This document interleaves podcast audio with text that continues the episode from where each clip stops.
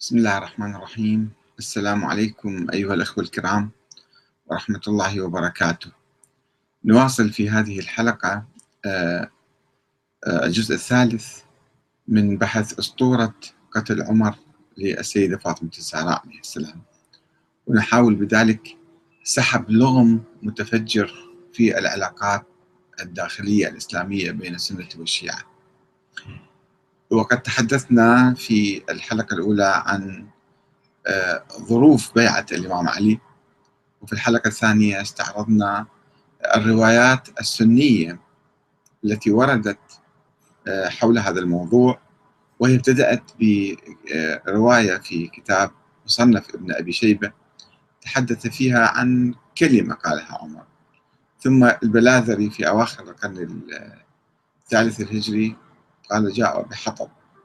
آه ابن قتيبة أضفى عليها نوع من آه، البكاء وكذا وأيضا أضاف عليها بعض النقاط.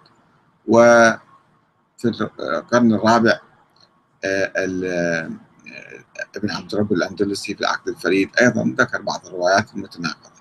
وكلها روايات متناقضة من دون سند في قرون متأخرة. عن رواية حدثت قبل 300 سنة 400 سنة. الآن نحاول أن نرى طبعا آه ابن أبي الحديد في القرن السابع روى بعض الروايات عن الجوهري عن كتاب للجوهري كتاب مفقود لا نعرف أصلا الجوهري كان في القرن الرابع روى عدة روايات حول الموضوع وكلها روايات غير مسندة وغير متصلة. فضلا عن أن تكون متواترة أو روايات صحيحة أو مشهورة أو معتمدة إشاعات كانت من قرن إلى قرن كانت هذه الإشاعات آه، يعني آه، تنتقل ويأتي بعض الناس وينقلونها. وقد بحثت هذا الموضوع كما قلت لكم في الحلقات السابقة بتفصيل في كتابي السنة والشيعة وحدة الدين خلاف السياسة والتاريخ وقلت أنه لا يوجد حقيقة خلاف كبير بين الشيعة والسنة في العقيدة والدين وأركان الإسلام. وإنما كان الخلاف حول الدستور والنظام السياسي والسياسة عموما. وهناك قضايا تاريخية تفرعت عن الخلافات السياسية أو اختلقت فيما بعد أو يعني ركبت وأيدت قراءة التاريخ لكي آه، لكي يوحي التاريخ بصورة معينة بنظرية يؤيد نظرية معينة. اليوم نتحدث عن آه، تقييم الروايات الشيعية الواردة حول الموضوع. لنرى متى نشأت ومتى ظهرت وماذا قالت هذه الروايات. التي يعتبرها البعض متواترة أو متضافرة ومجمع عليها. أن الروايات التي تداولها الشيعة الإمامية عن موضوع ضرب آه، عمر للزهراء. وكسر ضلعها وإسقاط جنينها. ارتقت لدى بعضه بعض الإمامية إلى درجة التواتر والتضافر والإجماع. طبعا ما يعرفون معنى كلمة تواتر لكن يخدعون الناس بهالكلمة. والله فيها رواية متواترة أو مجمع عليها. وشكلت بذلك شبهة أو عقدة في نظرتهم إلى عمر بن الخطاب.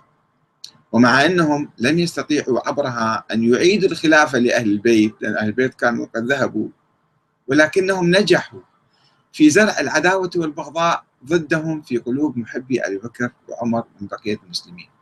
يعني عندما تأتي أنت الآن وتنشر هذه الأسطورة وتؤلب الناس ضد عمر أن عمر ضرب الزهراء واعتدى عليها وكذا وكذا وفعل كذا وأسقط جنينها وتوفيت شهيدة.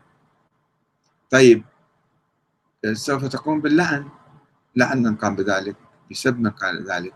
عندك موقف سلبي. طيب ما هو عمر أيضا في ناس يحبوه ويعظموه ويتبعوه مثلا؟ فسوف آه، أنت تحفر قبرك بإيدك. أنت تقلب الناس ضدك. أنت تقوم ب يعني تحشيد الناس آه، آه، ضدك وتكفيرك. البعض من المتطرفين السنة رغم أن هذا ما يستدعي التكفير إذا واحد لعن شخص معين بشبهة معينة لا يستدعي التكفير. ولكن الفتاوى جاهزة وقديمة وتاريخية وموجودة بالملفات يطلعوها دائما. والله لا الشيعة إذا واحد سب الصحابي يصبحون الشيعة كلهم يسبون. حتى لو جاء علماء الشيعة اليوم وقادتهم ومنعوا السب واللعن و وما إلى ذلك يقول لا لا يكفي هذا. خلاص أنتم سبيتوا فأنتم كلكم ملعونين ومن كلكم يعني دمكم مباح.